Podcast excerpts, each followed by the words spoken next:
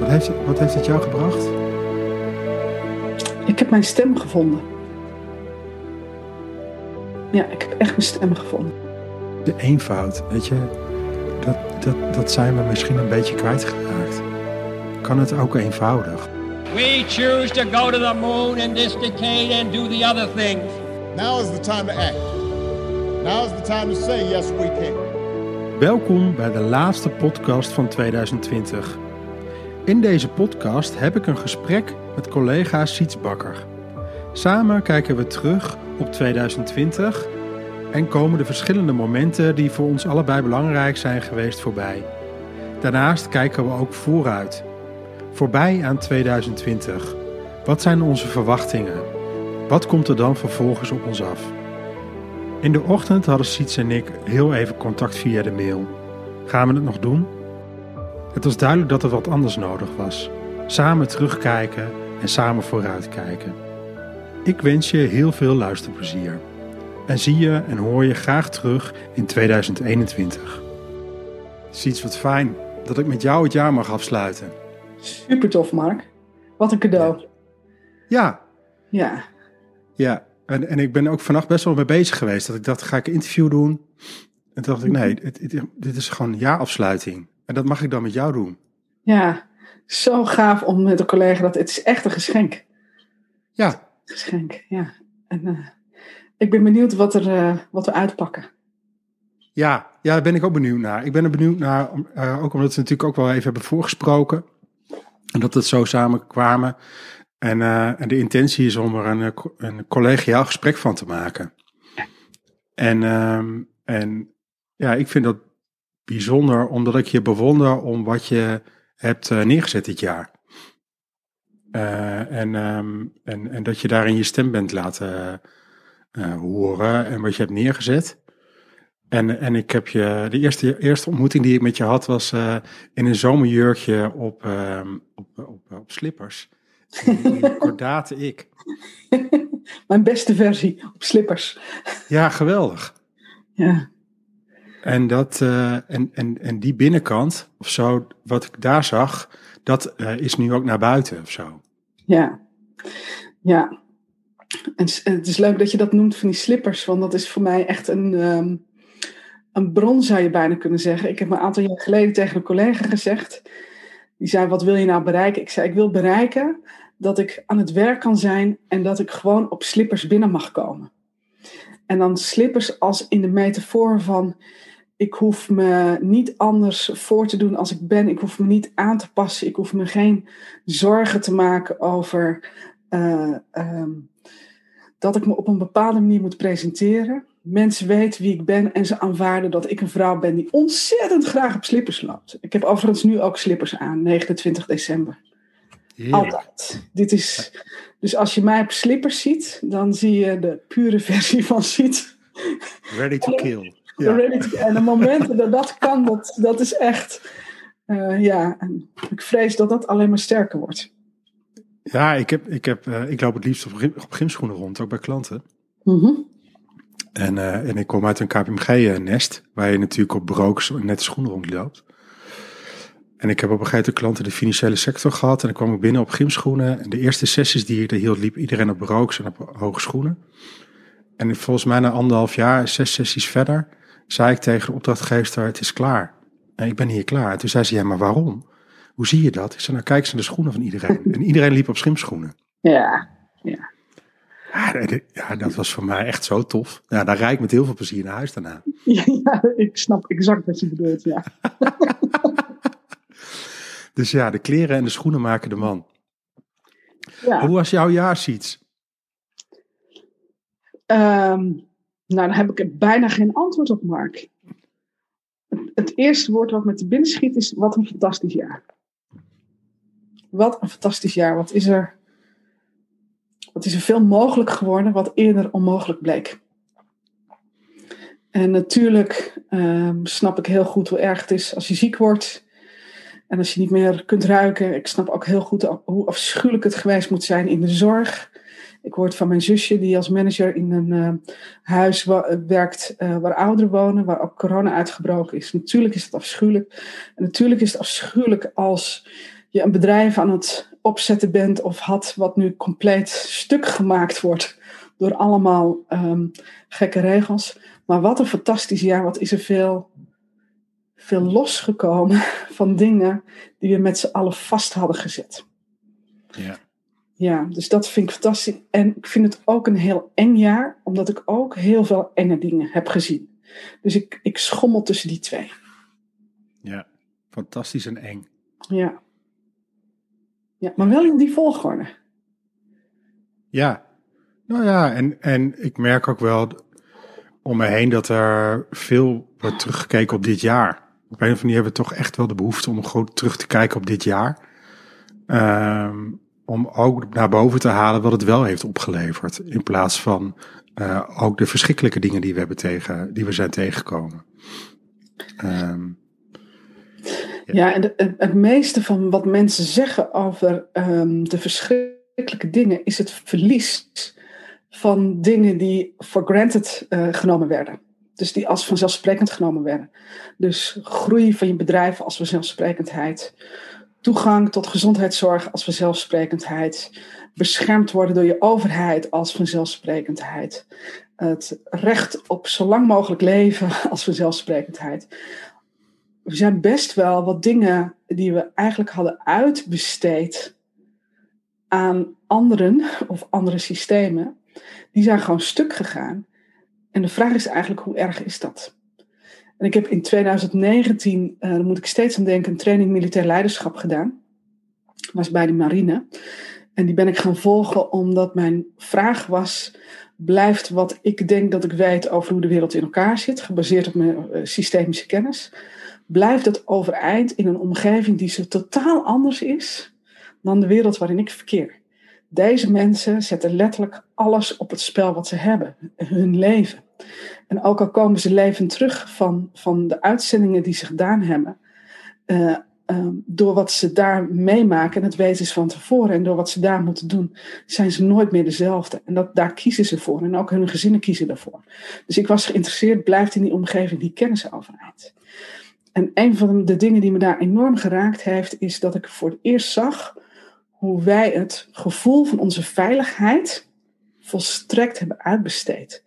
En dat vervolgens um, de mensen die bereid zijn om dat te dragen, uh, door uh, politieke druk en politieke realiteit in nog gevaarlijkere posities gebracht worden.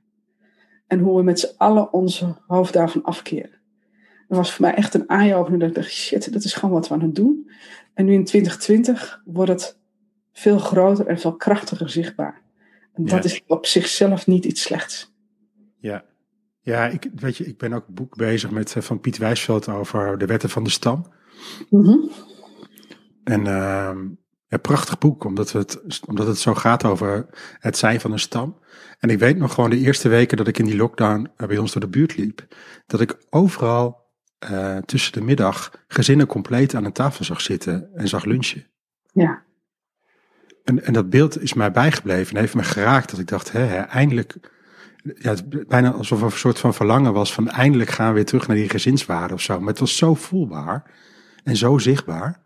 Ja, ja, was bij mij in huis ook zo. Ik heb drie tieners. En mijn man die zei, zodra het werd aangekondigd, hij zei, we, we ontbijten om half acht en lunch is om twaalf uur. voordat iemand iets kon zeggen. En uh, toen hebben we daar nog een paar grapjes aan toegevoegd. Um, en een van de grapjes was dat we gingen mediteren. Dus ik zei, we gaan elke dag beginnen met de meditatie. Ik heb zo'n app. Nou, moet je eens doen met drie tieners. Die liggen echt gierend van lachen over de bank. Uh, maar we hebben dat gewoon volgehouden. We hebben hun de meditatie laten uitkiezen. En het duurde tien minuten tot een kwartier iedere keer. En het duurde maar een paar dagen voordat zij zeiden van... Gaan we nu mediteren? Gaan we nu die app uh, doen? En in de zomer zeiden ze ook van... Ja, wat was dat eigenlijk fijn die lockdown? Want uh, ik mis het dat we elke maaltijd samen hebben. Ja, ja. ja en het is zo doorbrekend geweest. Um, en ik heb ook elke ochtend met Sandra, mijn vrouw, een rondje gelopen. En nu doen ja. we het al niet meer. Weet je, ah, dat is ook... Oh. Ja. Dus sommige dingen blijven en andere dingen ben je weer kwijt. Um, dus, dus ik denk ook wel over een paar jaar kijken we ook wel op terug uh, vanuit wat romantische uh, overlevingen. Ja. Maar ik, ja, ik hoop ook wel dat we een aantal dingen hebben aangepast dan. Ja. En, en waarom loop je geen rondjes meer met Sandra?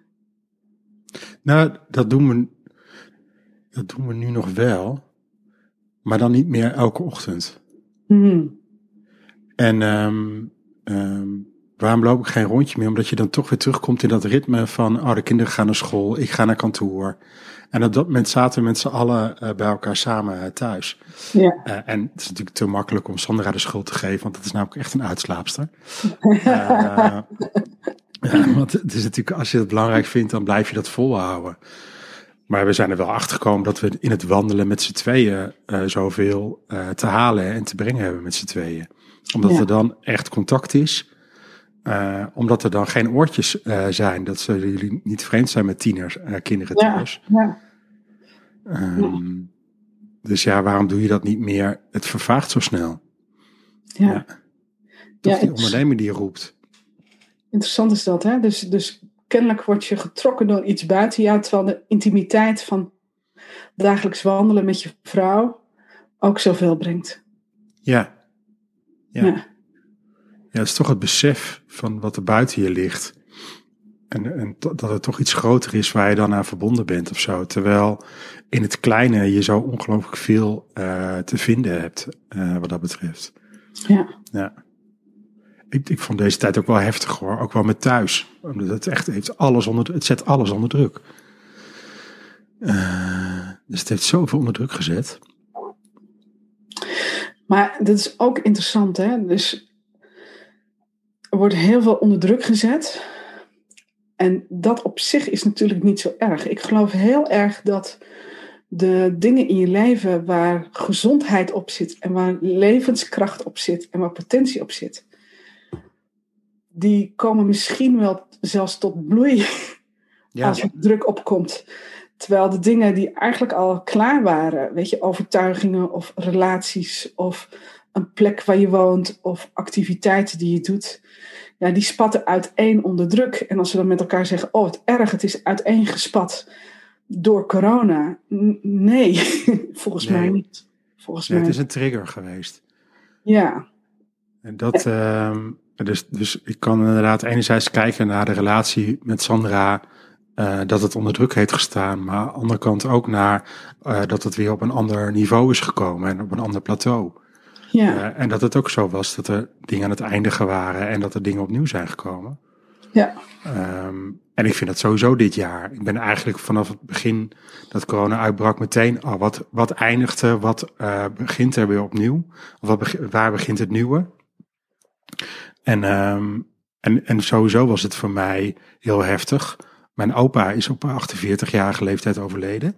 Mhm. Ik ben zelf nu 46, bijna 47.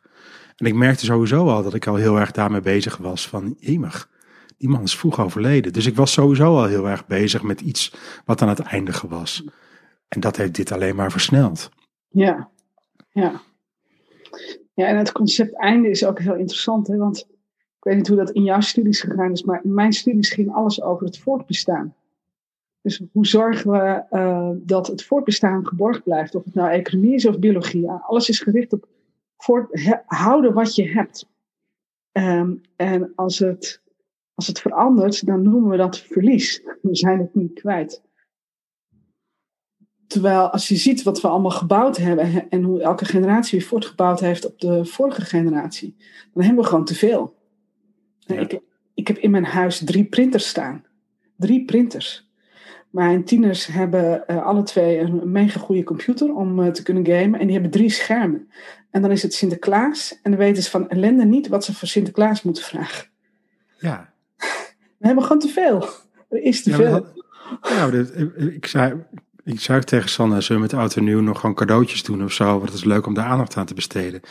Ja, maar ja, wat moeten we dan kopen? Ik zei, nou, het zou leuk zijn om een boek te kopen van bijvoorbeeld Barack Obama. Ja, dan moet je iedereen een boek geven. Ja, maar waarom dan? Weet je, Ja, ja, ja. Ja. die overvloed is zo confronterend. Wij hebben, ik heb mijn man voor Sinterklaas een eh, Big Green Egg gegeven. Zo'n zo'n afschuwelijk dure barbecue. Ehm, en wat ik niet verwacht had, is dat het iets heel interessants brengt. Want als je daar dus een stuk vlees op legt bijvoorbeeld, dan moet je s'morgens moet je dat ding al aansteken. En dat vlees dat moet er acht uur op blijven liggen. En je bent dus eigenlijk de hele dag bezig met die kooltjes en met het vuur en met die temperatuur. En er gebeurt iets heel anders met, met hoe je kijkt naar voeding, maar ook met het ritme in huis. Want het wordt bepaald door gewoon, weet je, zoiets primairs als, als een, een beetje eten. En op, ik, ben spontaan begonnen met brood bakken, want dan vind ik zo'n broodje die uit die barbecue komt, dat is echt afschuwelijk lekker. Maar dan ben je dus brood aan het bakken, dan ben je aan het kneden, dan ben je aan het reizen, ben je weer aan het kneden, ben je weer aan het reizen. Je bent gewoon een halve dag bezig met een stukje brood. Echt spirituele ervaring. Ja, ja, ja. Ja, maar ik geloof, ik geloof ook wel dat dit jaar mij heeft gebracht dat ik ook in een lager tempo ben gaan werken. Ja. Uh, dus de goed lachse mark is er een beetje vanaf. Uh, er is meer rust. Ik ben veel meer bij mezelf. Uh, ik lach minder dingen weg. Ja. Dus, dus het heeft me ook wel verdiept in wie ik ben. Wat heeft, wat heeft het jou gebracht? Ik heb mijn stem gevonden. Ja, ik heb echt mijn stem gevonden. Ik ben heel erg um, opgegroeid. Ik zal niet zeggen opgevoed. Want ik denk niet dat mijn ouders dat bewust hebben gedaan. Maar ik ben opgegroeid met de notie: wees maar voorzichtig. Hmm. Wees maar voorzichtig, want uh, kop mij valt. En als je gezien wordt, is het gevaarlijk. Um, dus ik heb eigenlijk altijd een soort van ingehouden en geluisterd en gekeken en pas gereageerd op het moment dat iemand me daartoe expliciet uitnodigde. En in dit jaar uh, is dat veranderd. En misschien kun je het dan horen aan mijn stem, maar verandert zelfs nu ik erover praat, raakt het me en uh, kan ik het voelen. En aan het begin van de eerste lockdown ben ik begonnen met de dagstarts. Dus ik dacht, wat kan ik met de kennis die ik heb bijdragen aan gezondheid in, in deze tijd? En ik ben geen verzorgend type, dus ik kan geen billen wassen of uh, iemand uh, verzorgen of zo. Maar ik kan wel met mijn raken vragen beweging brengen. Dus dat is wat ik gedaan heb in de dagstarts. En er was zo'n enorme resonantie op, um, dat het me zoveel aanmoediging en zelfvertrouwen gaf. Om echt, ja. mijn stem, om echt mijn stem te laten horen en mijn kleur te delen en, en anderen uit te nodigen dat ook te doen, zeg maar. Dus dat heeft 2020 me echt gebracht, echt mijn stem gevonden. Ja. ja. ja. weet je, je kan het straks nog een keer terugluisteren. Um, maar het mooie is ook hoe het, hoe het uit je komt. Ja. Ik wilde bijna zeggen tegen je, zeg het nog een keer, maar dan doe ik je tekort. Weet je, want je kan het maar één keer zeggen. Ik heb mijn stem gevonden. Ja, ja. En, en dat heb ik ook, ik vond mooi de post van jou, uh, dat je ook ineens in Australië zat. Ja. Met, met moving questions. Ja. Gewoon in het klein dat je ineens daar, uh, daar kan zijn met de huidige middelen. Ja, en hoe, hoe fantastisch was dat, Mark? Want um, vorig jaar had ik bedacht van, oh ja, ik heb een bedrijf en dan moet ik doelen stellen en weet je, zulke dingen. Dus en dat heb ik eigenlijk nooit gedaan, want ik ben veel meer dat go with the flow, zeg maar. Maar toen dacht ik, oh, ik, ik ga nu mezelf serieus nemen en dus ik doe doelen. En ik kwam niet verder dan, ik wil in 2020 veel meer internationaal werken. Ik heb nog nauwelijks gereisd in mijn leven en och, wat lijkt me dat heerlijk om te doen. Dus uh, ik heb wel eens geleerd van iemand, schep het en je hebt het. Dus inderdaad, daar kwam het een uitnodiging voor Kopenhagen en voor Denemarken en Australië. Maar toen kwam de lockdown in de hele wereld. Dus uh, Siet kwam natuurlijk nergens behalve de zolderkamer. En ik kwam overal. Ik ben nu bezig met mijn derde training die ik geef voor een Australische doelgroep. Ik heb contact met mensen in Singapore. Het boek en de kaartenset zijn naar het Deens vertaald. Uh, de kaartenset is naar het Spaans vertaald. We zijn bezig met de opmaak van het Spaanse boek. En ik dacht, jemige, dit is gaaf. En wat van ongelooflijk veel betere kwaliteit is dit. Want nu delen we wat er is, zonder um, te vervuilen. Als ik bedenk aan het aantal kilometers dat niet gevlogen is dit jaar. En wat een impact dat heeft. Maar ook hoe vanzelfsprekend ik het gevonden had om het wel te doen als er geen corona was geweest. Nou ja, en, en het mooie is uh, dat beeld van die zolderkamer. Ja. Want ik, ik heb op een gegeven moment ook een internationale opdracht gedaan. En toen heb ik wel een aantal jaar geleden uh, uh, over de wereld gereisd. En rond deze kerstperiode was die opdracht klaar. Um, En zei ik thuis ook, ik heb het idee dat ik overal delen van mezelf heb achtergelaten. En dat dat tijd nodig heeft om dat weer te integreren. En terwijl jij dat vertelt, zeg maar, over wat er allemaal is gebeurd, zie ik, zeg maar, die kaartensets uh, die achter jou ook uh, staan hier in Zoom in de kast. Ja, zie ja. ik over de wereld verspreiden. Terwijl dat heel erg gaat vanuit, uh, vanuit één plek. Ja, ja. Ja, ja, precies dat. En hoeveel gezondheid en levenskracht zit daarop als je dat, als je dat zo kunt voelen en als je dat zo kunt doen. Uh, en dat voor, achteraf dacht ik ook, wat fantastisch, want mijn doel ging niet verder dan, ik wil meer internationaal werken, gevoed vanuit de wens, ik wil wel eens ergens komen. Uh, en het, het doel wat echt bijdroeg aan de wereld, dat is meer dan gehaald. En het doel wat alleen maar was voor mijn plezier en genoegen, ja, dat is in elkaar gezakt. Vet toch gewoon. Weet je, dit is wat we te leren hebben met elkaar om het voort en zo te doen. Ja, ja maar ja, maar, maar, de, maar de kaartenset haalt jou straks uh, weer uh, naar Singapore toe, naar Australië toe en noem maar op.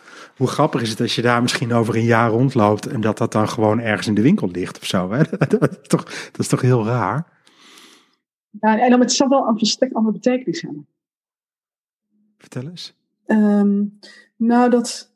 Uh, vorig jaar zou ik overal ja gezegd hebben, want ik wilde graag. Ik, ik, wil graag dus ik wil overal graag een keer naartoe. Ik heb een hele lijst van landen waar ik ooit eens zou willen zijn. En ik zou overal ja gezegd hebben, omdat dat het doel zou zijn. Maar als ik nu uitgenodigd word, um, dan vraag ik wel even: is het echt nodig dat ik hier ben? Ja.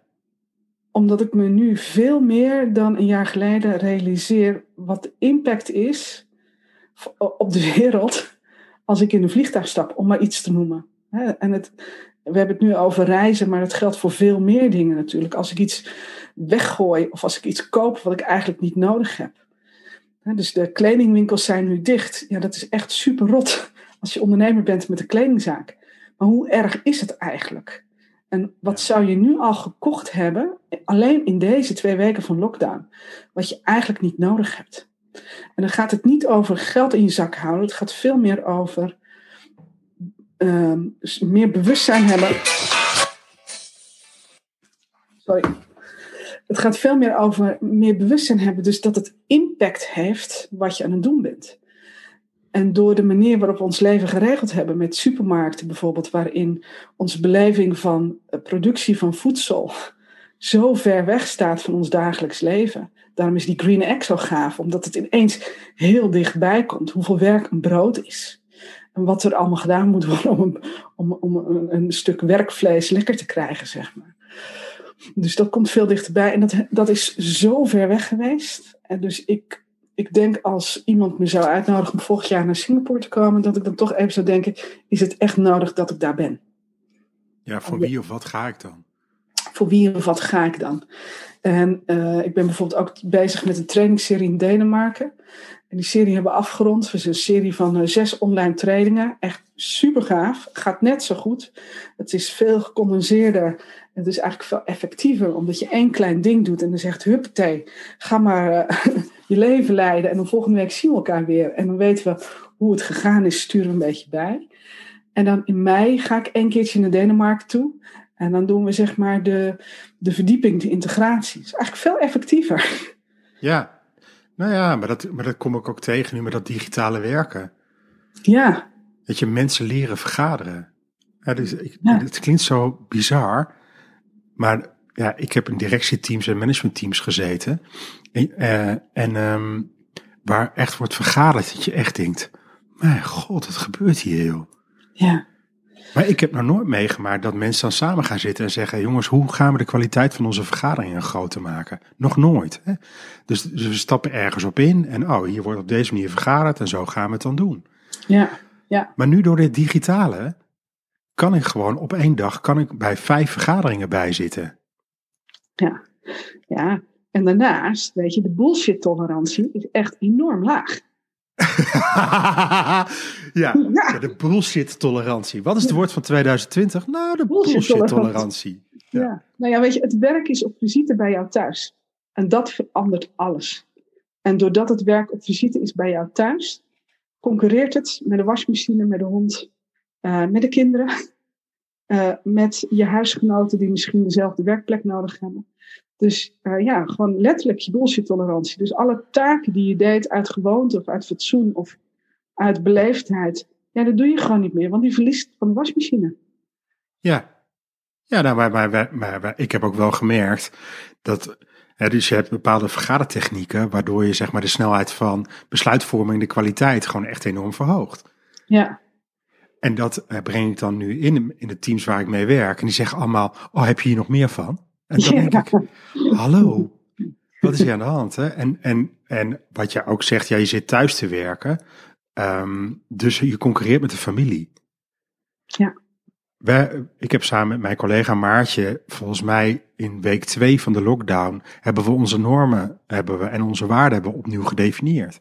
Mm En wat kwam op eerste één te staan? Family first. Ja. Het Ja. kan niet anders. Het is Ja. heel logisch dat er een kind binnenloopt en Ja. even komt vragen, papa, hoe is het hiermee? Ja, ja, ja. En hoeveel kattenstaarten hebben we al niet door het scherm voorbij zien lopen? Ja, ja maar we hadden de eerste, de, eerste- we- de eerste workshop die wij hadden met een team. Dat was volgens mij ergens eh, nou, 23 maart of 30 maart. En eh, papa zat op zolder en mama zat ook op zolder. Dus wat we hebben gedaan is dat we zijn begonnen met eh, alle kinderen in beeld. Voor diegenen die dat wilden. Ja, Wat, ja, wat, wat is papa aan het doen? Wat is mama aan het doen? Ja, die zit boven te vergaderen. Ja, hoe haal je er de rukte dan vanaf wat papa en mama aan het doen is? Nou, kom maar even in beeld, kan je meekijken. ja, Ja, Ja. dat is hartstikke leuk. ja, Gaf meteen energie in die, eh, in die groep. ja, absoluut. Ja. ja, ik doe ook altijd als, ik, als mijn kinderen er zijn, of ze komen binnen, ze komen bijna nooit, maar als ze hier binnenkomen zolder, haal ik ze altijd even voor de camera. Dus ik laat ze altijd eventjes gedag zeggen. Eh, en het maakt niet uit wat voor soort call dat is. Ehm, want dat hoort er dan gewoon even bij. En ik dacht, ja, het is eigenlijk ook wel heel mooi, want het is precies ehm, zoals het was voor de industriële revolutie. Waarin de ouders de kinderen voordeden, zo doe je dat. Eh, dus ik doe mijn kinderen voor, zo werk ik hier en zo praat ik met mensen. Ja, En eh, ik, maak, ik neem video's op eh, van meetings die ik heb. En mijn eh, zoons, die editen die. 12 en 14 zijn ze. En dan laat ik ze het voorkantje wegknippen en de achterkant. En als er breakout rooms zijn, moeten ze dat even wegknippen. Dus deze jongens, die zien gewoon alles wat mama doet. ja, Precies zoals het vroeger ging. En die middelste, dat is helemaal een slimmerik. Want dan heb ik twee maanden geleden iets gezegd. En dan zei ik gisteren iets. En dan zeg ik, ja, maar mama, wacht eens even. Twee maanden geleden zei je dit, maar nu zeg je dat. Dat klopt helemaal niet. En dan eh, moet ik hem gaan uitleggen wat ik gezegd heb. Geweldig. ja, maar dat is toch super cool. Ja, Dat je de jongens hier komen en hier huiswerk maken. Bij mij Ja. op kantoor, nu. ja, En maken mee wat ik doe. ja. Ja, wat een geschenk. Ja, dat is echt een mega geschenk. Ja. Maar het is wel een die je zelf kunt eh, of moet creëren. Dus je kunt ook zeggen, oh wat een toestand met mijn kinderen. Eh, en hoe hou ik het nou gescheiden? Hoe zorg ik dat het nog het meest lijkt op de tijd van voor corona? En ik denk heel erg dat, dat het veel rijker wordt en veel interessanter wordt om te zeggen, oké, het- het gaat zoals het nu gaat. Het is zoals het is. Dat vind ik een vreselijke, lelijke uitdrukking. Maar hier is die gepast. Dus dit zijn de omstandigheden waarin we leven. En hoe kan ik eh, mezelf en mijn gezin eh, zoveel mogelijk tot leven laten zijn? Ja, In plaats van het, het laten lijken op wat ik vroeger had. ja nou, ik kom erachter dat het gaat over de essentie. En laat me dat uitleggen. Je hebt een bepaalde essentie waarom je de dingen doet zoals je die doet. En de verschijningsvorm is misschien anders door corona, maar, maar, maar de intentie waarmee je het doet, die wordt niet anders. En daar zijn we mee weer opnieuw in contact mee gekomen. En daarmee zijn we ook weer gaan zeggen, hoe kunnen we het dan op dit moment anders doen? Ja, Dus workshops doen is nog steeds nieuwe contacten maken en zorgen dat er besluiten worden genomen en dat de richting wordt aangebracht. Ga je de workshops die je normaal doet fysiek online maken, dan sla je de plank mis. Precies. Maar ga je terug naar de essentie van waarom doe ik dit en hoe breng ik het dan naar online, dan ga je de goede kant op. Ja, En zo is het met thuis ook. ja, je wil thuis een warm nest hebben. Ja. Ja, ik zeg in de workshops die ik geef heel vaak. Ik geef workshops raken vragen. Ehm, en ik leer mensen hoe je dit soort vragen kunt stellen. Dan zeg ik: Het kan niet waar zijn dat er iets stuk gaat omdat jij een vraag stelt. Hmm. Mooi. Het kan niet waar zijn dat er iets stuk gaat. En als er iets ontploft of er gaat iets stuk uh, nadat jij een vraag gesteld hebt, dan was het om te beginnen al super zwak.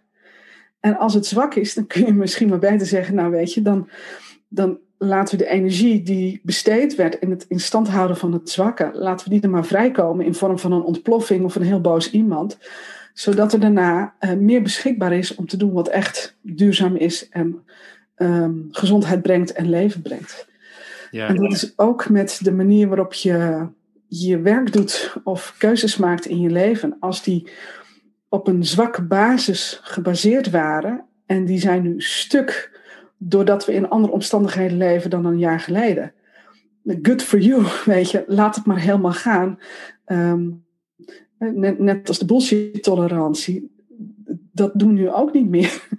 En dan alles wat je erin gestopt had om het zo te houden of om het zo uit te voeren zonder dat het je iets bracht, dat komt gewoon weer beschikbaar. Ja, het is een versneller. Hè? Ja, ik ben even heel snel aan het, aan het denken, maar het is wel een versneller. Dus wat je zegt, die, die vraag, misschien was het al wel kapot. Daar kom je dan achter. Dat doet dan even ja. pijn. Ja. Maar, maar ja, het haalt ook naar boven dat het dan kapot is om daar dan het gesprek weer over te voeren. Ja. ja. Um, en, en dat is, mijn les gaat ook wel over tweede orde interventie. En dat is natuurlijk een, dat moet je dan weer uitleggen. Maar het gaat heel vaak over aankijken datgene wat al over is. Of aankijken wat al te moeilijk was om aan te kijken. Of uh, dat is de essentie van uh, tweede orde interventies. Ja. En met alle welvaart en luxe waar we zo aan gewend zijn geraakt, zijn we ontzettend gericht geraakt op het vermijden van uh, ongemak en pijn. Ja. Ja. Ja, daar zijn we meesters in, denk ik. Ja, ja. De, eh, terwijl tegelijkertijd het ongemak en de pijn ook informatie bevat en dingen aan het licht brengen. Uh, en als je die aangaat, ja, weet je, dan kun je gewoon echt op betere plekken komen. Ja, ja, ja. Dus het heeft, zoals, uh, het heeft mij in ieder geval heel erg nog verder bij mezelf gebracht. Ja. Inclusief de donkere kant uh, ook van mezelf. Ja. En de mindere periodes uit mijn leven. Um, dat heeft mij dit jaar wel gebracht. Ja. Ik kon niet meer anders. Ik nee. ging zo in de put. Precies, ja. Ja. Ja. Dus wat een geschenk, wat een blessing. Dit jaar. Ja. Ja, dat is, zo kijk ik ook wel terug op dit jaar hoor. Ja. Dat ik me in een gelukkige omstandigheid mag uh, vertoeven van uh, waar ik in zit ja. al acht jaar ondernemerschap, uh, een gezin wat gewoon draait, wat warm is. Um, ja, gewoon een fijn en leuk leven hebben. Gewoon dat je dingen op het internet mag zetten en mag delen en dat erop wordt gereageerd. En dat je mensen weer verder mag brengen. Dat, dat vind ik zo. Dat vind ik ja, de rijkheid van het leven. Ja.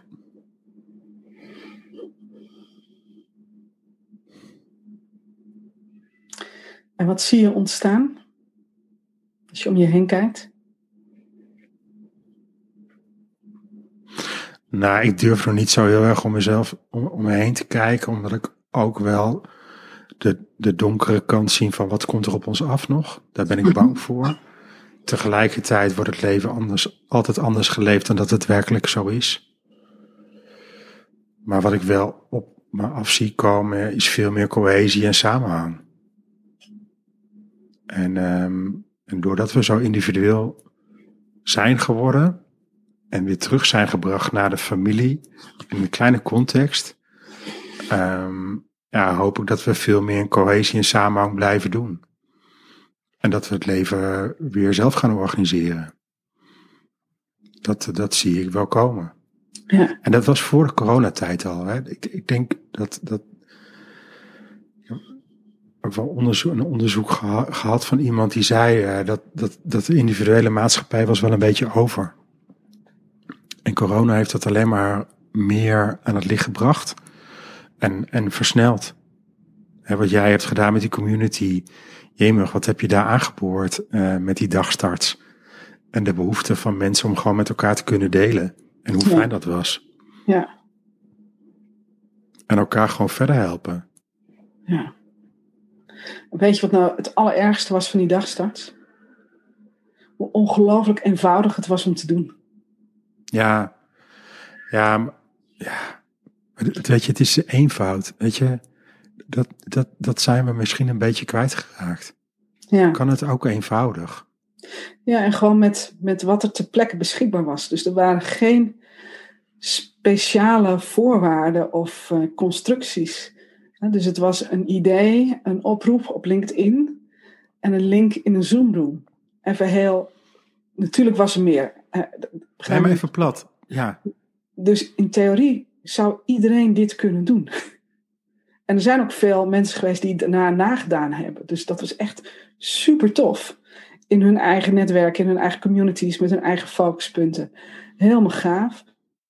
Maar dus het, het benul dat wat je nodig hebt om die collectiviteit te kunnen maken en die draagkracht samen te creëren, dat dat gewoon beschikbaar is. En dat je daar niet een speciaal iemand voor hoeft te zijn of speciale vaardigheden voor te hebben. Maar dat het er gewoon is.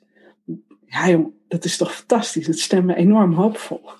Ja. Maar ja, als we dat maar blijven herinneren, dan kan er veel gebeuren. En is dat niet het systemische collectief wat dan uh, gaat werken? Wat bedoel je met systemisch collectief? Nou, uh, wat ik ermee bedoel, is heb je niet heel veel mensen met een systemische achtergrond gehad in jouw dagstarts, waardoor je snel die verbinding hebt? Of... Nou, ik denk dat die behoefte aan verbinding dat die universeel is. Hmm. En dat het niet zoveel uitmaakt of je systemische trainingen hebt gehad. Ik denk eigenlijk dat um, te veel systemische training je eerder in de weg zit dan dat het helpt. Omdat het vaak dogma's worden en dat het dogmatisch benaderd wordt. In een aantal systemische netwerken zie ik dat er, dat er inhoudelijke discussies zijn. Is het, is het zus of is het zo? Terwijl ik denk, ja, gut, volgens mij is dat gewoon helemaal niet zo boeiend. En ik denk dat de toegang tot systemische um, wijsheid, dat die um, ingebakken is in ons mens zijn. Of in je kat zijn, of in je hond zijn, of in je paard zijn. Maar dat het een element is van leven. Dus dat maakt niet zo heel veel uit. Ik denk dat in eerste instantie in die dagstarts, ja, het trok veel mensen aan uit die netwerken, omdat ik die nu eenmaal ken. Maar het breidde zich enorm snel uit. Uh, ook naar mensen die, die er nog nooit van gehoord hadden, of die het misschien zelfs uh, stom vonden omdat het daar niet over ging. En wat ik probeer te doen in mijn werk is dat ik die kennis die soms wat abstract is um, en soms bijna, bijna religieus of spiritueel benaderd wordt, om die gewoon veel, veel, veel meer down to earth te maken. Weet je, ik woon hier in West-Friesland. Dus, ja. ja, dus, dus mijn gedachte is altijd, kan ik dit op het schoolplein uitleggen? Ja. Dan vertel ik dit aan de mensen op het schoolplein. Um, dus dat, is, dat helpt mij enorm om andere woorden daarvoor te vinden. Dus, dus het doet er eigenlijk niet zo toe. Het is meer, eh, misschien juist zelfs mensen die, die geen toegang hebben tot die kennis of uh, die, uh, voor wie de afstand te groot is. Juist voor die mensen is het interessant om ons kennis zo te transformeren dat het voor hun ook toegankelijk is. Ja, ja. Nou ja, en, en Kijk, ik heb hier voor bij KPMG gewerkt, waarbij ik eigenlijk ook al wel systemisch werkte. Ja. Um, en ja, dan met van die blauwe blokken en dus ook van die blauwe rakkers. Dus ik, ben ook gewend geraakt om het op die manier uh, aan te bieden. Uh, of ermee bezig te zijn, dus zodat ook uh, die kant dat oppakte. Ja. Maar nu merk ik um, dat er veel meer bewustzijn is ontwikkeld, waardoor we die kloof veel minder hebben. Ja, absoluut. Dat herken ik ook. En, en um, de kloof is ook kunstmatig. En misschien ook wel voor een deel onderhouden door mensen die, die het werk zo heerlijk vinden. En sommige mensen worden ook een beetje verliefd op de magie die ja. het soms ook teweeg brengt. Ja, uh, dat is juist niet wat nodig is. En ik maak zelf het onderscheid tussen analytisch denken en systemisch denken. Dus denk je uh, volgens plannen en structuren of denk je meer fenomenologisch, volgens wat je waarneemt. En uiteindelijk heb je ze natuurlijk alle twee even hard nodig. Het is niet een of-of, maar het is een en-en. En zolang de energie gaat aan het bestrijden van de een naar de ander, ja, dan weet je, dat is gewoon een doodlopend spoor. En ik merk ook in mijn werk als organisatieadviseur dat de, de interesse en acceptatie voor wat we systemen zijn gaan dat die echt veel groter is dan, dan ervoor. Je hoeft echt niet meer uit te leggen wat een organisatieopstelling is. En vijf jaar geleden moest je nog wel zeggen, nou, het valt wel mee, het is niet heel eng. Ja, ja, ja, vroeger zei ik nog wel eens tegen klanten van nou, het enige wat je kan gebeuren is dat we bomen gaan knuffelen. Dat ze me dan echt aankeken dat ik zei, nee joh, dat gaan we helemaal niet doen. Ja, ja. ja. Dus maar ja, kijk, ik, ik ben natuurlijk gewoon, dat is een langere tijdslijn, maar weet je, toen ik wegging bij KPMG was ik echt wars van structuur. Hmm. Dan ben ik heel erg het fenomenologische en systemische opgegaan. Maar daardoor ben ik juist weer heel veel van structuur gaan houden.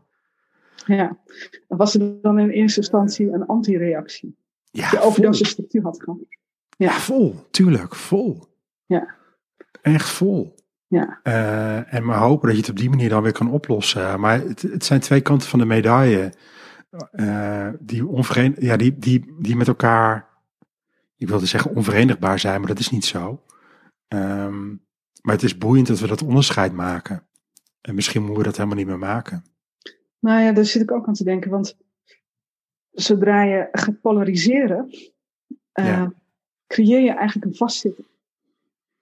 En, en natuurlijk is de logische reactie als je ergens te veel van hebt gehad, dat je het andere extreem gaat opzoeken. Maar uiteindelijk is het hetzelfde, alleen krijgt het een andere vorm. En dus als je eerst heel veel structuur hebt en daarna wil je exclusief fenomenologisch, omdat je te veel structuur hebt gehad, ja, het is dezelfde gevangenis. En het is veel interessanter om voorbij dat soort vastzitten te komen en te zeggen, op welke plek heb ik zowel het een als het ander? En kan ik het integreren en kan ik het mengen en kan ik spelen en hoef ik niet te vervallen in dogma's of in redeneringen of in uh, verontschuldigingen. Ja, mooi. Ja. Zijn er momenten geweest dat je dit jaar hebt vastgezeten? Ja, zeker. Zeker. Ja. Delen? Ja, ik, um, het was uh, privé. Dus uh, hoe gaan we dit doen in de relatie? En uh, hoe, hoe zorgen we dat we goed blijven? Waar vinden we elkaar nog op? En mijn vastzitten was heel erg in het denken van ik wil houden wat ik heb. En uh, dat was voor mij een enorme strijd. En pas op het moment dat ik zelf daaraan voorbij kon gaan. En dat ik meer in een innerlijk kon zeggen, oké, ik, ik kan niet mijn kracht en energie blijven inzetten om te houden wat ik heb. Want ik, ik verkruimel het, ik verzwak het en ik verzwak mezelf. Het put me uit. Ik kan niet anders dan um, in overgave komen. En pas daar echt voorbij de extreme um, kon er weer iets nieuws ontstaan. En in de onvoorwaardelijkheid die ik altijd gevoeld heb in de relatie met mijn man, die is echt die is weg, die bestaat niet meer. Uh, dus ik heb 15 jaar in onvoorwaardelijkheid geleefd. Uh, dus dat is best een groot, groot ding om dat kwijt te raken. En tegelijkertijd is het zo gezond dat het er niet meer is. Ja. Omdat er nu nieuwe keuzes zijn, nieuwe ademruimte en uh, nieuwe manieren om te ontdekken. Dus dan staan we samen een half uur naar die kooltjes te kijken op de Big Green Egg. Ja, geweldig. Maar ik, ik heb wel een poos echt vastgezeten in ik wil mijn onvoorwaardelijkheid behouden. Oh jee, wat ligt erachter? En hoe, uh, en hoe, hoe werkt dat dan? Hoe, hoe, hoe doe je dat dan? Plaats je dan onvoorwaardelijkheid buiten je en ga je dan kijken hoe je daarmee interacteert? Of hoe? Nou ja, ik was bezig om het vast te houden en om allemaal lists te verzinnen. En wat ik uiteindelijk doe, is ik meet mijn energie. Dus ik ken mijn eigen default mode. Ik ben iemand die vrolijk is. Ik kan vroeg opstaan en laat naar bed gaan. Mijn sport is weightliften. Ik kan heel veel ijzer boven mijn hoofd houden. Vind ik ontzettend leuk. Maar als dan op een gegeven moment, als ik dat niet meer kan, omdat ik all over the place ben. Hè? Dus met weightliften, de, de kunst is dat je al je spieren uh, laat samenwerken. Dat je 30 complexe bewegingen tegelijkertijd goed doet. En als je dat doet, is het poëzie in je lichaam. Het, is echt, het voelt zo lekker. Um, maar als je niet georganiseerd bent, omdat je aandacht ergens anders is, dan kun je maar twee dingen van die complexe bewegingen tegelijkertijd goed doen. Dan krijg je niks de lucht in. En dat voel je gelijk. Dus ik let ontzettend op hoe gaat het met mij, met mijn energie. Uh, als ik s'morgens, ik heb in mijn default mode is dat ik geen wekker nodig heb. En als ik een wekker nodig heb, weet ik dat het niet goed met me gaat. Dus daar meet ik aan. Dus in al die tijd dat ik aan het vasthouden was aan die onvoorwaardelijkheid waar ik zo aan gewend was, had ik een wekker nodig, uh, kon ik het gewicht niet slepen, uh, nou ja, noem maar op, al die dingen. Ja. En, en dat neem ik zeer serieus, omdat dat voor mij de manier is waarop ik met mezelf communiceer, zeg maar. Mooi. Ja. Maar ja, dat maakt het niet minder pijnlijk natuurlijk als je midden in dat proces zit. Nee, tuurlijk. Dat is heel pijnlijk. Is, eh, net als rouw, weet je, er zijn geen shortcuts. Je moet er gewoon echt helemaal doorheen. En voordat je er helemaal doorheen bent, kun je blijven vechten en spartelen als een malle. Wat je nergens brengt. Maar ja, afhankelijk van je energie en je kracht, is dat uh, echt. Uh, er is geen andere manier. Ja, ik ben dan heel erg van hoe fixen we dit? Wat moeten we doen dat we dit weer gefixt hebben? Ja, en dat is ook vasthouden. Ja. Ja. En, ja. en dan denk ik, oh ja, nee, wacht even. Dit is gewoon nu even nemen. Ja, ik heb hier een boekje liggen van uh, uh, natriltijd, hè, terugbruiken oh, ja. storm. Ja. Ja, briljant. Ja. En dat, helpt me dan. Dan denk ik, ja, weet je, sommige dingen hebben ook gewoon tijd nodig. En ik kan het allemaal wel weer dicht willen stoppen, maar het is nu gewoon wat het is. Ja. Ja, maar het is niet alleen je tijd, maar het is ook je moed om, om erin te staan en ongewis te zijn en niet te weten wat de uitkomst is. Ja. En, en daar in aanvaarding mee leven. Ja. Ja, integreren. Ja, dus tijd kan heel lang duren. Mensen kunnen heel lang, heel erg lang vast blijven zitten. dus als iemand bijvoorbeeld een, uh, een kind verloren heeft, ja, dat kan decennia lang duren en dan nog spreken ze elke dag over dat kind. En natuurlijk is het een afschuwelijk verlies. Ik hoop dat niemand het meemaakt. Ja. Um, maar behalve tijd is er ook moed voor nodig om je leven opnieuw vorm te geven zonder dat je kind daar deel van is. Ja, ja. Ja, blijven integreren. Ja. Ja. Ja, ik ben begonnen dit jaar met twee koude emmers over mijn kop heen gooien. Oh, lekker. Ja, heerlijk. Ja, nou ja, het is echt heel erg lekker. Het is een complete reset. Zo voelt het. En daarna een soort van integratiebewegingen. ah, het heeft me zoveel gebracht al. Ja. Ja. Het is echt gewoon zo bewust bezig zijn met, je, met mijn lichaam en de beweging. Wat is de beweging die er te maken is? Ja. En dat is misschien ook wel met dat vastzitten. Dus elke keer kan ik dan weer kijken, oh, waar zit het vast? Wat heb ik te integreren? En aan het einde moet je een soort van rondje draaien met een zacht hart met je handen. Mm En dan integreer je datgene wat je nog niet weet wat je hebt te integreren. Oh ja, mooi. Ja, het is echt zo, zo briljant. Want af en toe voel ik ook wel en denk, oh ja, er zit nog wat. Maar ja, ik weet niet wat. Ja, het straalt helemaal als je het vertelt. ja, heerlijk. Ik kan zo enorm genieten van de rijkdom van het leven. Dus wat jij doet met twee emmers water en de beweging eromheen, doet een ander door te musiceren. Ja. Weer een ander gaat 10 kilometer hardlopen en heeft dezelfde ervaringen. En weer een ander staat uh, samen met een partner een half uur naar kooltjes in een barbecue. Schuift wat ijzer omhoog. ja, nou ja, en dat is dus, de, dus je zegt de rijkdom van het leven, dat is ook de eenvoud. Uh, hè, dus, dus dat het in dat soort kleine dingen kan zitten. Ja. We zijn natuurlijk altijd op zoek naar perfecte leven met continue flow. Maar, maar op het moment dat we de flow niet ervaren, hoeft niet te zeggen dat we dan een slecht leven hebben. Nee, dan is het even niet of zo, weet je. Dat is toch ook oké? En tegelijkertijd zeg ik dat en denk bij mezelf, nee, ik moet altijd gewoon uh, die lol hebben. Maar het kan niet. Ja, en dat is volgens mij precies wat, wat we dit jaar aan het openbreken zijn. Ja, Ja. En ik denk zelf dat we nog even iets meer tijd nodig hebben. Dus de, het verlangen naar de oude systemen en de oude realiteit is nog zo groot bij heel veel Ja. mensen.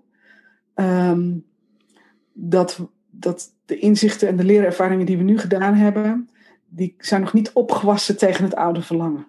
Dus ik hoop eigenlijk, klinkt heel stom, maar ik hoop eigenlijk dat we nog even een klein beetje meer misère hebben en een klein beetje meer in deze staat moeten blijven, wat er ook gebeurt, zodat, zodat er meer, meer ruimte is geweest, meer gelegenheid is geweest om echt die transformatie te maken.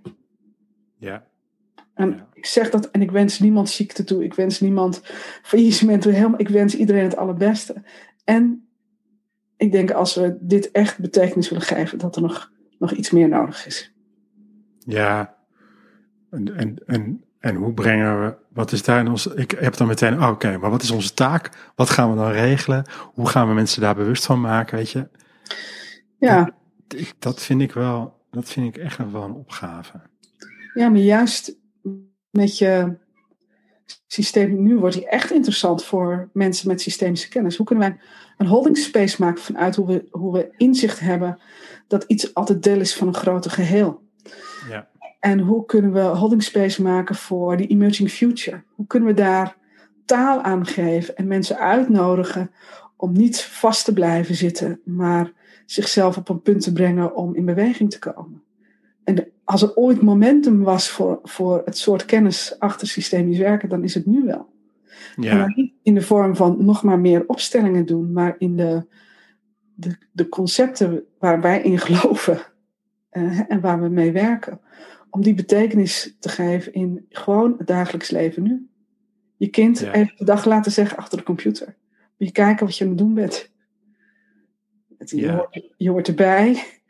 Hè? Je bent deel van deze. Ik ben ook deel van een ander systeem. Dus gelijk, pam, hoef je verder niks over te zeggen. Het is helemaal niet moeilijk of spiritueel of zo. Kan zelfs lachend. Nou, het zou best wel kunnen zijn dat. ehm, dus de hang naar het verleden en het verlangen wat we daarin hebben. ehm, dat dat te maken heeft met het feit dat we ook aan het aanvaarden zijn dat het zo niet meer verder kan. Door juist dat heel erg aan te kijken van hoe was het dan? Ehm, waarbij we voor onszelf moeten zeggen wat is de realiteit en niet de romantiek. Ja. Ja. En misschien is het niet eens dat het niet zo verder kan, maar dat het zo niet verder hoeft. Ja, En een andere die we geleerd hebben vanuit systemisch werk is ehm, te kunnen leven vanuit een plek van niet hoeven weten en geen oordelen hoeven hebben. Nou, als je kijkt hoe ongelooflijk veel oordelen we over ons heen eh, uitgestrooid krijgen. En het maakt niet uit welk kanaal je kiest. Of je nou s'avonds de tv aanzet of op social media. Of eh, maakt niet uit. Hè. Als ik één huis verderop kijk bij mijn buren is geen corona. Die hebben voortdurend visite en feestjes en van alles nog wat. Het is uitermate gemakkelijk om daarvan te zeggen foei, foei, foei. En eh, vanuit systemische kennis eh, is het een enorme spiegel. Hoe, hoe ehm, vanuit niet weten en vanuit aanvaarding kun je werkelijk zijn. En wat is nou Ja. het punt waarop je een, wel een mening hebt en wat doe je dan met die mening? Weet je, hoe, hoe ga je daarmee om? Ja, ja, dat gesprek ook voeren. Dat gesprek wordt in de media nauwelijks gevoerd. Dat is veel, veel gezonder en veel rijker. Kunnen we zo inbrengen met alles wat we weten. Ja, dat kunnen we zeker. Maar ik denk ook wel. Ik zit even bij mijzelf te bespiegelen. De- ik ben dit jaar heel erg be- bezig geweest met integreren van wat er achter mij is gebeurd. Ja, Zodat ik volgens mij ook hierna weer beter bezig kan zijn met eh, wa- wat komt er op ons af? ja, Eh, wat, wat, wat hebben we daarin te doen? ja, Ehm, en ik denk dat dat ook de opgave is om. Kijk, dat vind ik het mooie van dit jaar. Ehm, we zijn nog nooit zo in aanraking geweest met, eh, met een soort van megakracht. ja. Niet dat we weten. Nee, weet je? En, en dat heeft alles, dat heeft alles, dat heeft van alles losgemaakt. Ja, En ik ben, ben vooral bezig geweest met achter me van oké, hoe krijg ik het geïntegreerd? En wat er achter mij is gebeurd, wat heb ik daar nog in te doen? Zodat ik straks voorwaarts kan. En ik merk nu ook dat het veel meer gaat over, niet meer over wat er achter mij is, wat ik naar voren haal, maar Mhm. veel meer op wat komt er op me af? Wat Ja. heb ik nu te doen? Ja. Ja, en ik denk dat daarin jouw proces dit jaar anders is geweest dan de mijne. Want ik ben al veel meer naar buiten gegaan. Wat ik Ja. zei aan het begin van het gesprek. Ik heb mijn stem gevonden. Eh, mijn stem vinden en hem horen klinken is echt wel een innerlijk proces geweest. Maar hij klinkt wel in de buitenwereld. En, en wat mijn stem te vertellen had, was in afstemming met wat ik gevoeld heb of waargenomen heb, fenomenologisch, eh, waar behoefte aan was. En wat, wat helend zou zijn. Ja, en dan met, twee, met een linkje eh, en, eh, en een uitnodiging. Hè? Ja, echt briljant hè? Ja, Ja, en, en als het alleen maar een linkje en een uitnodiging nodig heeft. eh, het vertelt mij vooral ehm, hoe, hoe zeg ik dat? ehm,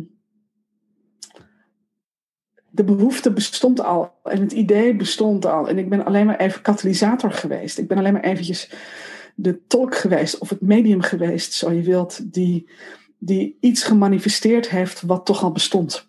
ja. Ja. En tegelijkertijd doe je daar jezelf ook een beetje mee tekort. Ja, dat zeggen mensen wel vaker, maar eh, dit is, dit is hoe ik het voel. Ja, dat is oké. Ja, Ja, en Dat waar, ik, waar ik voor mezelf echt trots op ben, is dat ik het Ja. heb gehad. En Ja. dat ik de energie erin heb gehad, eh, ingestoken. En dat ik ehm, steeds heel sensitief ben geweest op wat is de koers.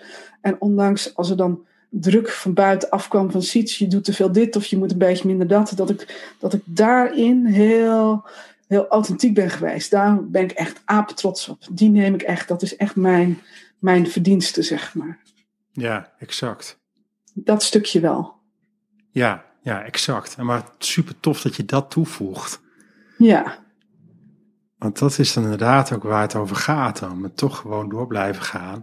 En doordat je dat nu toevoegt, eh, kan ik me ook voorstellen, denk ik, oh, zo doet ze dat dus. ja, En Ja. daarmee is het weer een voorbeeld voor een ander. ja. Ja, en, en weet je, als we dan vooruitkijken, denk ik, ja, dit is wat we moeten delen met elkaar. Hoe doe je het? En Ja. als iemand dingen ziet doen waarvan je denkt, oh, weet je, dat brengt veel. En dat is, er zit gezondheid in, er zit duurzaamheid in en zo. Hoe, deel het met me, zodat ik mijn eigen variant ervan kan eh, maken. Net zoals dat de dagstarts daarna gekopieerd zijn. Ja, ik, heb, ik, ik, ik denk dat ik wel 10, 15 mensen geholpen heb met zo richt je het in en eh, zo doe je de logistiek en eh, dit werkt wel en dit werkt niet naar mijn ervaring, maar doe vooral je eigen ding ermee.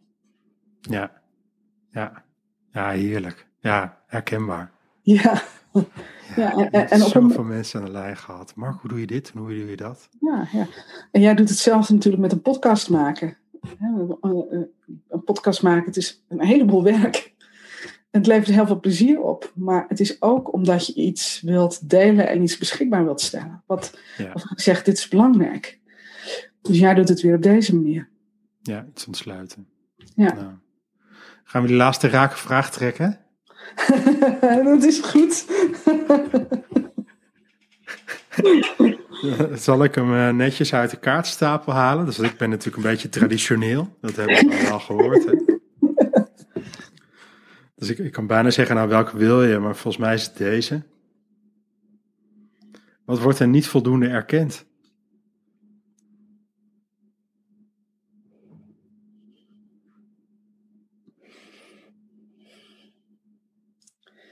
Ja, zo'n vraag is natuurlijk helemaal niks zonder context. Ja. Ja, het staat niks voor zonder context. Dus het grappige is, als je begint met een vraag zonder context, dan dringt eerst de context aan me op. En wat ik dan meestal krijg, is een context eh, met het meeste honger naar erkenning in het geval van deze vraag. Ja. En welke context is dat? Nou, er staan er een paar te schreeuwen. Ja. Ja.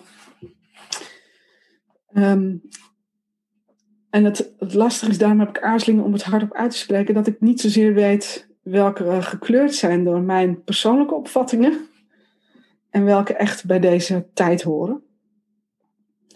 Ehm, wat ik denk dat er niet erkend wordt is, en dan wordt het een mix van die twee, is wat een ongelooflijk, ongelooflijke rijkdom uh, corona ons te brengen heeft. Ja. En het is natuurlijk niet corona zelf die ons die rijkdom brengt. Het is hoe wij ermee omgaan en de besluiten die we erover nemen. Of je nou in de regering zit of dat je een uh, simpele burger bent. Maar de manier waarop we besluiten nemen en het soort besluiten wat we nu moeten nemen, daar zit ongeloo ongelooflijk veel rijkdom in. Ook in de pijnlijke processen, omdat er veel aan het licht komt. Dus de, hoe kwetsbaar onze democratie is. We kijken altijd naar, naar de, wat wij noemen de terroristen en, en de islamitische landen die onze democratie bedreigden. Maar nou ja, we laten nu ook zien dat onze democratie van binnenuit ernstig bedreigd wordt. En het is een pijnlijke constatering, maar het is wel uh, heel fijn dat hij naar boven tafel komt. Ja. ja, en dat er dus ook nog heel veel voor te vechten is eigenlijk, hè? Ja, of te herontwerpen. Ja. Ja, vechten zit meer aan het vasthouden, denk ik. Maar wel terug naar de intentie van waar we, waar we voor staan of wat, wat we willen met elkaar. Misschien hebben we dat wel uit te zoeken met elkaar weer. Ja. Wat willen we met elkaar? Zal ik voor jou ook een raakvraag uh, vinden? Ja, dan komt hij uit de app volgens mij. Hè? Ja, ik ja. doe de app. Kijk uh, hier. Ja.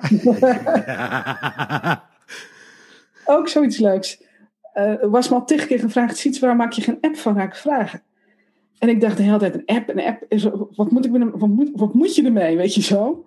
En toen kwam ineens tijdens de eerste lockdown, een paar weken later, kwam er een mailtje van Bert. En uh, Bert is docent op een hogeschool. En die zei, ja, kijk eens wat ik gemaakt heb. Ik ben mijn eigen kennis aan het bijspijkeren, dus ik dacht, ik ga even een app maken.